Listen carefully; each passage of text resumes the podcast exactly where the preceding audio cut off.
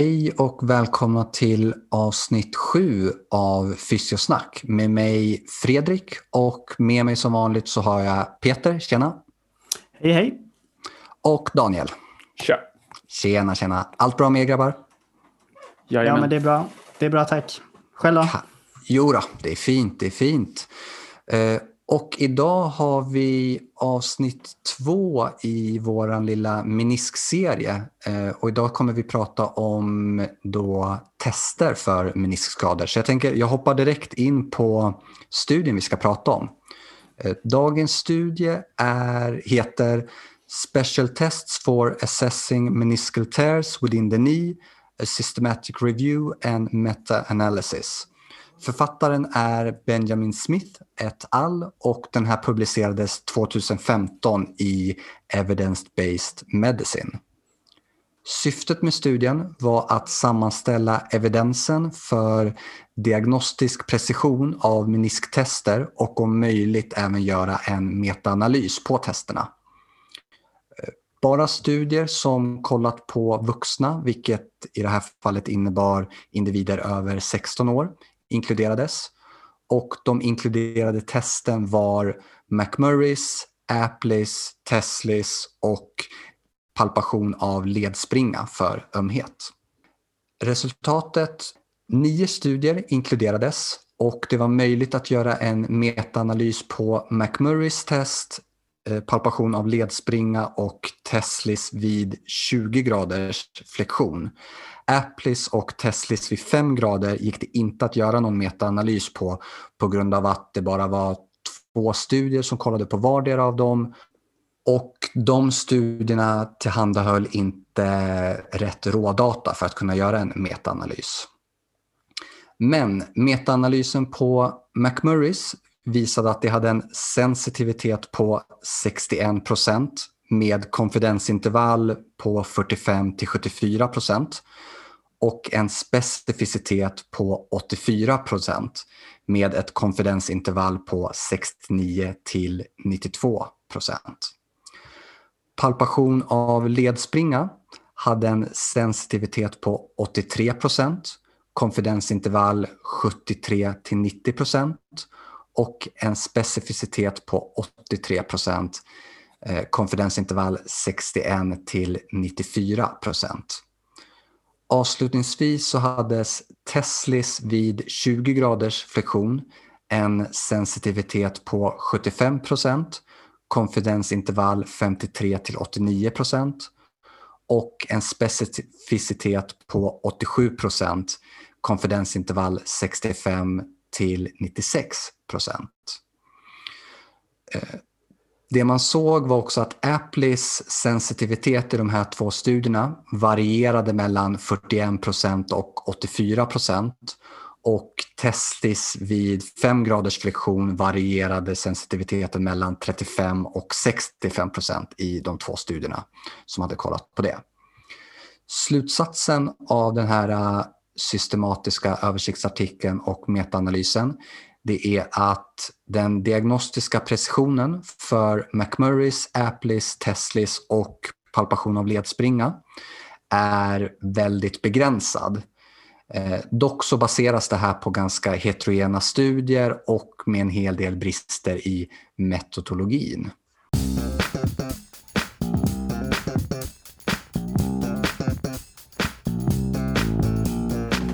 Innan vi hoppar in och diskuterar studien lite närmare så Daniel, har du lust att förklara lite vad innebär sensitivitet och specificitet egentligen? Ja, det kan jag göra. Eh, man skulle kunna säga så här att sensitivitet är ett tests förmåga att finna. Det betyder alltså att om man, om man letar efter ett specifikt tillstånd så kommer man att finna det i den grad man har sensitivitet så att 100 procent är att man hittar alla. Men det finns även då en risk att man hittar annat som också ger utslag.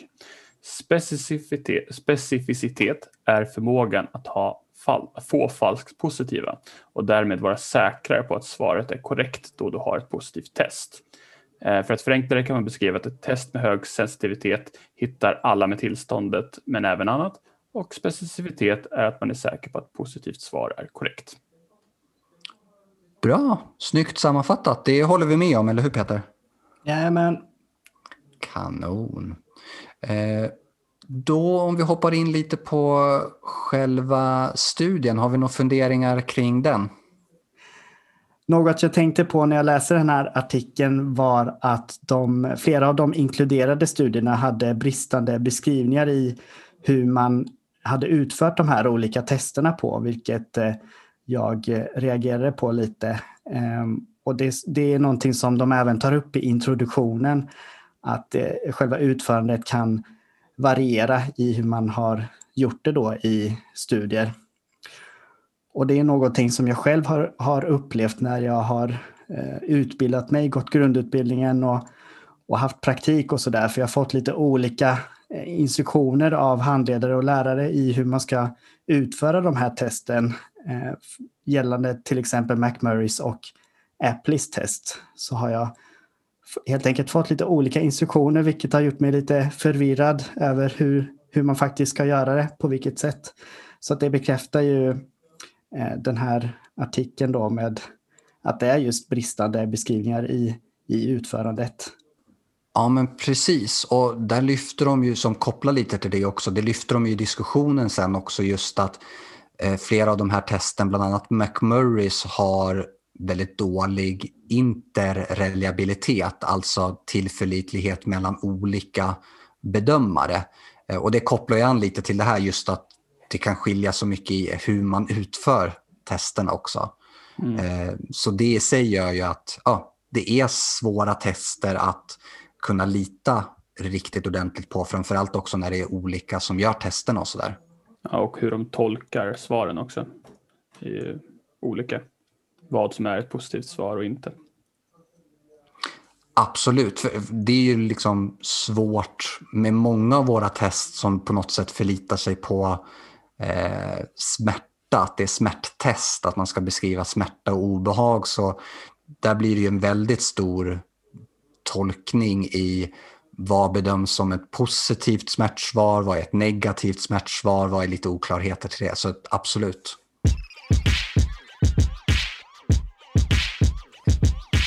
En sak där som jag ville lyfta också det var kring de referensstandardtest eller så kallade goldstandardtest som man använde i de här inkluderade studierna. Och det var ju MR eller artroskopi. Eh, alla utom en använde artroskopi som sitt referensstandardtest.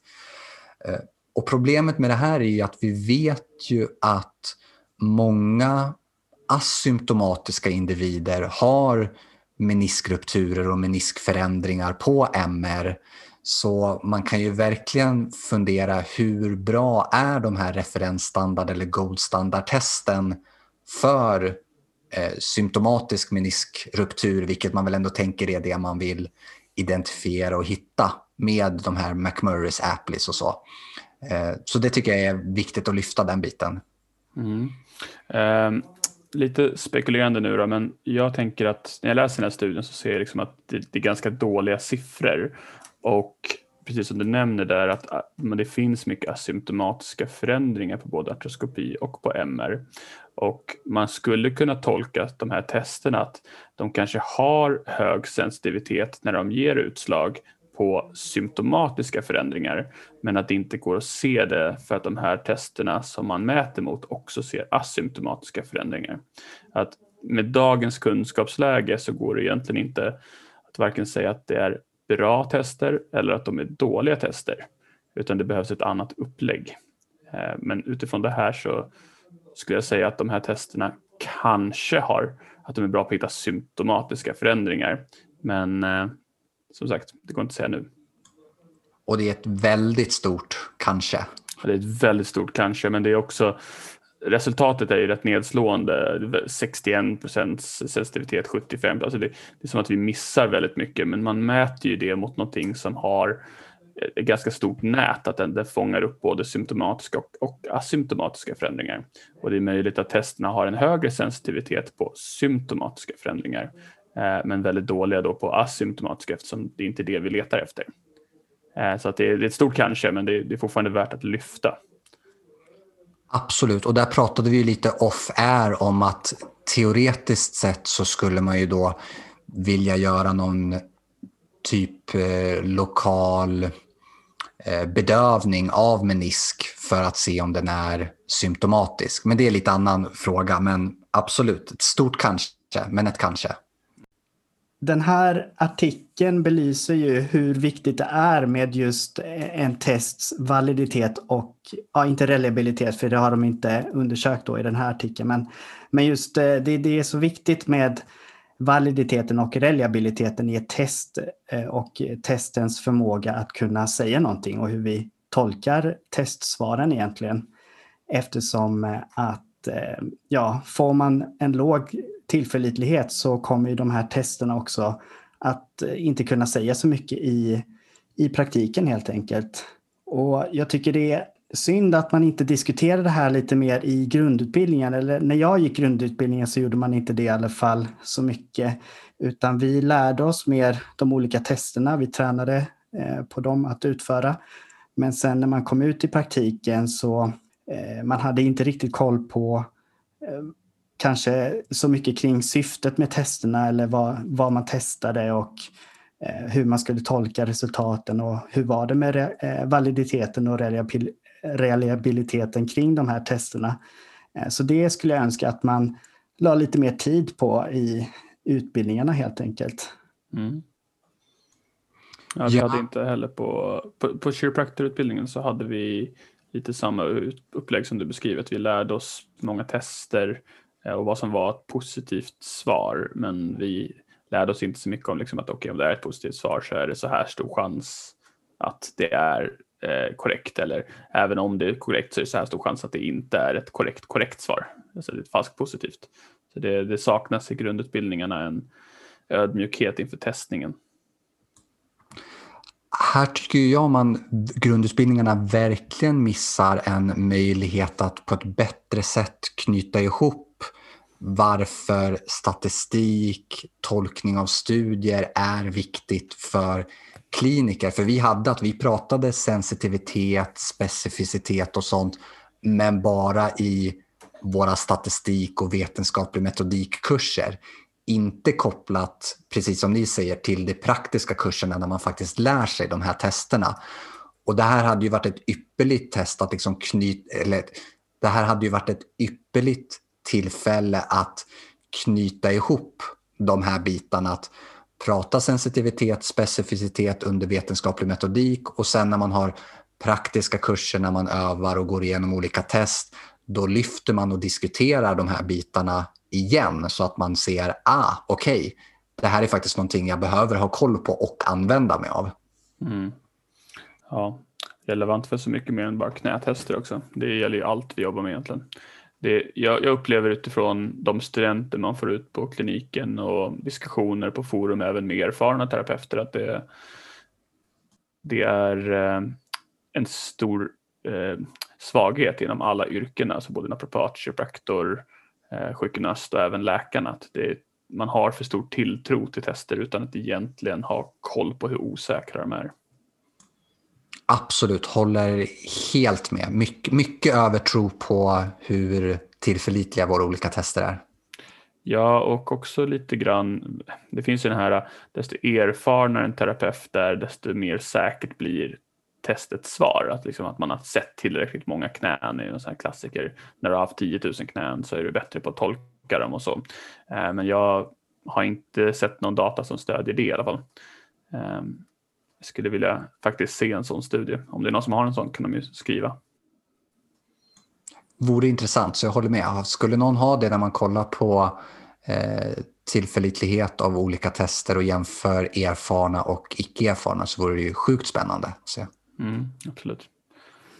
Och det är ju också ett problem, tänker jag, inom sjukvården med just överdiagnostisering och överbehandling. Mm. Ja, problemet med de här testerna vi tittar på idag i alla fall är att de har ju lite, de leder ju till eh, vissa risker. Att om du gör tester och så bedömer du det som en, en meniskruptur eh, så, så kanske det leder till att man skickar dem på onödiga undersökningar, vare sig det är artroskopi som har med sig vissa risker eller magnetkameror som är en ganska stor kostnad för vårdapparaten och tar upp plats från kanske viktigare diagnoser såsom cancerdiagnostik och så.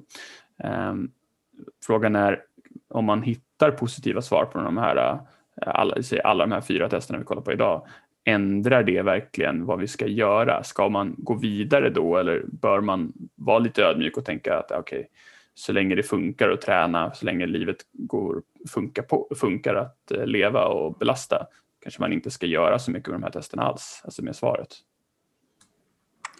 Absolut, eh, håller med, bra synpunkt och vill knyta an lite där till också det man faktiskt inte har kollat i den här eh, översiktsartikeln eller metaanalysen, det är ju också om en kombination av de här testerna förbättrar sensitiviteten och specificiteten. Alltså att om man har fler positiva svar, eh, om man har positivt på McMurrays, om man har positivt på Teslis palpation, eh, ökar det då specificitet, sensitivitet? Det vet vi inte. Det är möjligt, men det vet vi inte. Och även, men även om det gör det, så precis som du säger Daniel, att kan man ju fundera, behöver man ändå springa vidare och vidare utreda? Eh, jag brukar säga att när man, när man har studenter som man pratar med dem så brukar jag säga att man, man måste ha en tanke med allt man gör. Om du gör ett test och vi säger då att det kommer ge ett utslag, vad kommer det förändra? Varje test måste ju göra någon nytta. Du kan inte bara göra tester för att. Eh, och de här testerna kan man ju lite grann, det är klart att du, du kan göra dem för att säga, okej, okay, du, du tänker att det är något interartikulärt eller det är någonting från knäleden. Eh, men varför göra så många tester för att leta efter en menisk om varken anamnes kan tala för menisk på ett säkert sätt eller tester kan tala för menisk på ett säkert sätt när man egentligen bara kan börja göra eh, rörelser direkt så länge det inte är en fraktur. Ja, eh, alltså ett, en, ett argument skulle i så fall kunna vara det som Fredrik påtalar då att kanske flera olika faktorer skulle öka sannolikheten för att det skulle kunna handla om någon typ av patologi. Att man samlar flera olika tester tillsammans med anamnesen då. Mm. Nej, men jag, jag gör ju testerna, jag bara ifrågasätter syftet med att göra dem. Alltså det, det är ju då, ganska dåliga tester och visst om du poolar ihop många saker då kanske det är högre sannolikhet att det är en meniskruptur. Men vad gör det för skillnad om vi ändå inte kommer skicka vidare dem på MR, artroskopi eller någon kirurgisk åtgärd? Vad gör det för skillnad?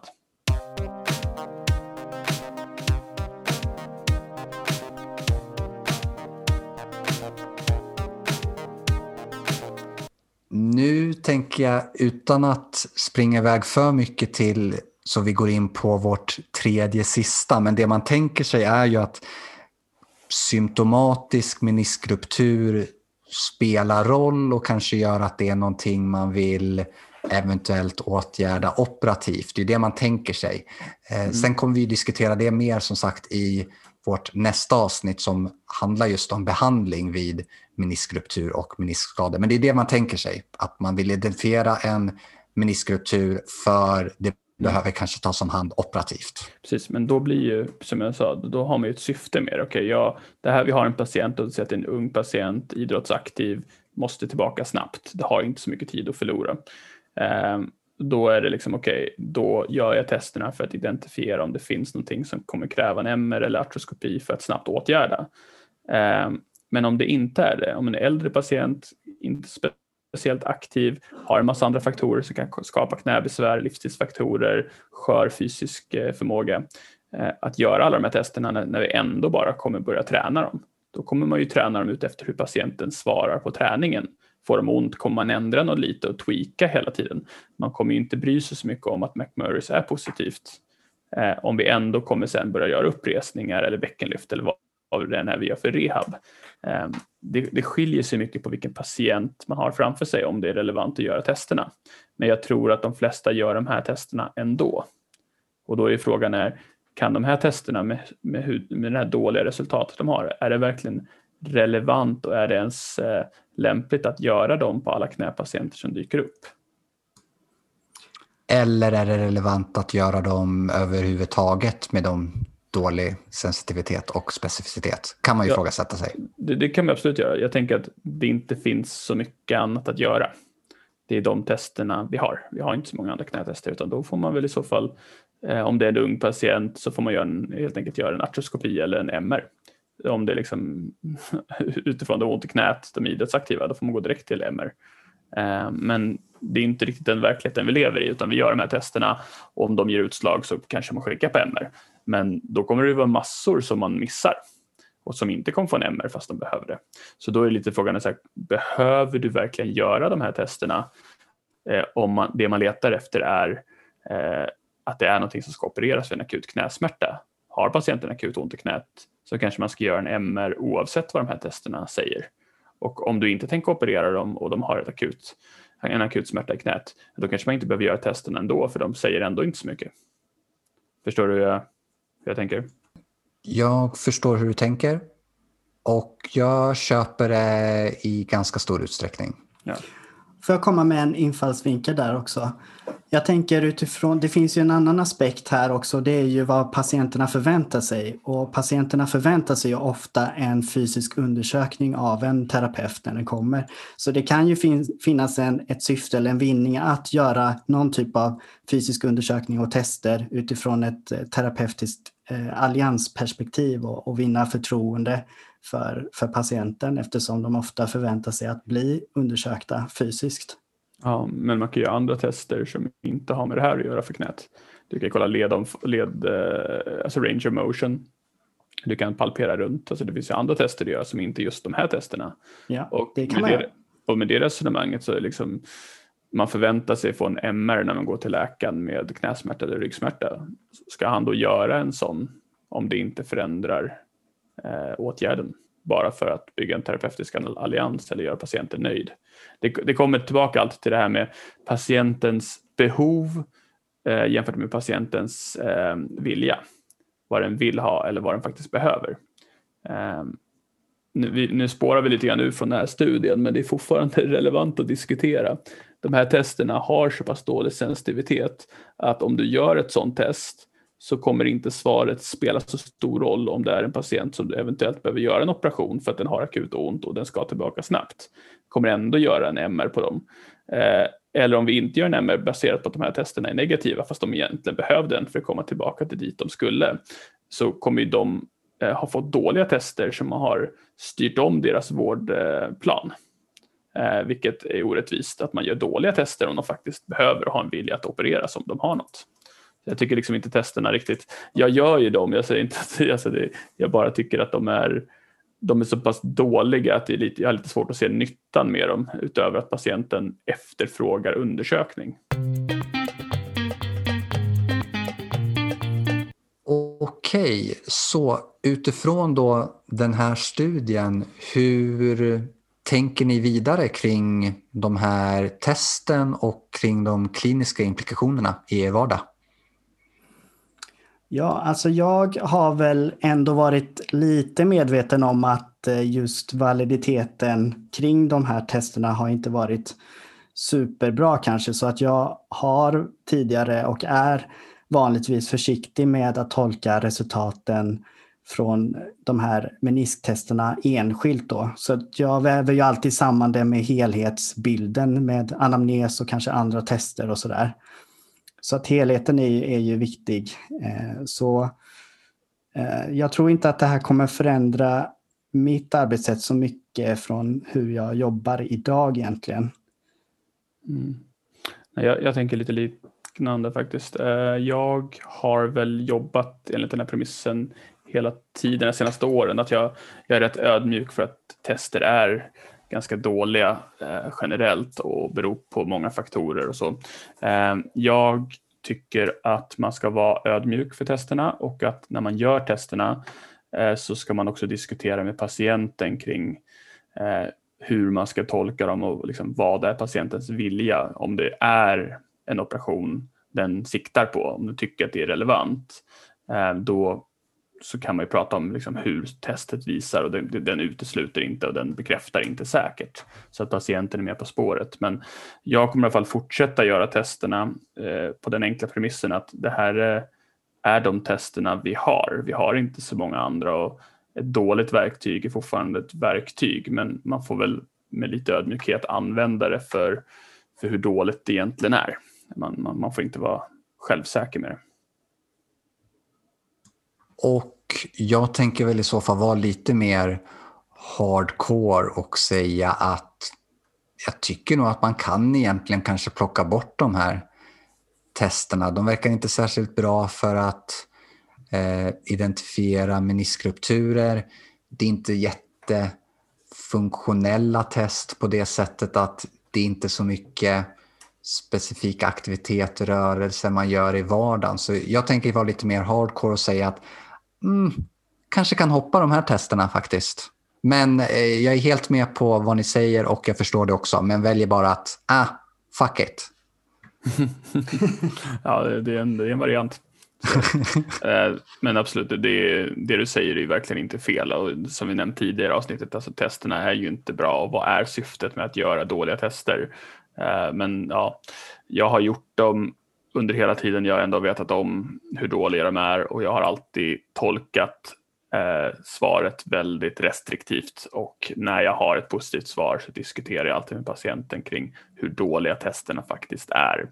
Eh, och man måste ju verkligen diskutera med patienten vad syftet är. Inte bara liksom att okej, okay, nu har jag hittat en menisk, utan man måste diskutera med patienten. Vad, vad leder de här testerna till? Vad skulle en MR eventuellt tillföra för framtida behandlingsplanen? Um, så det är, väl, det är väl så jag har jobbat och det är så jag kommer fortsätta jobba.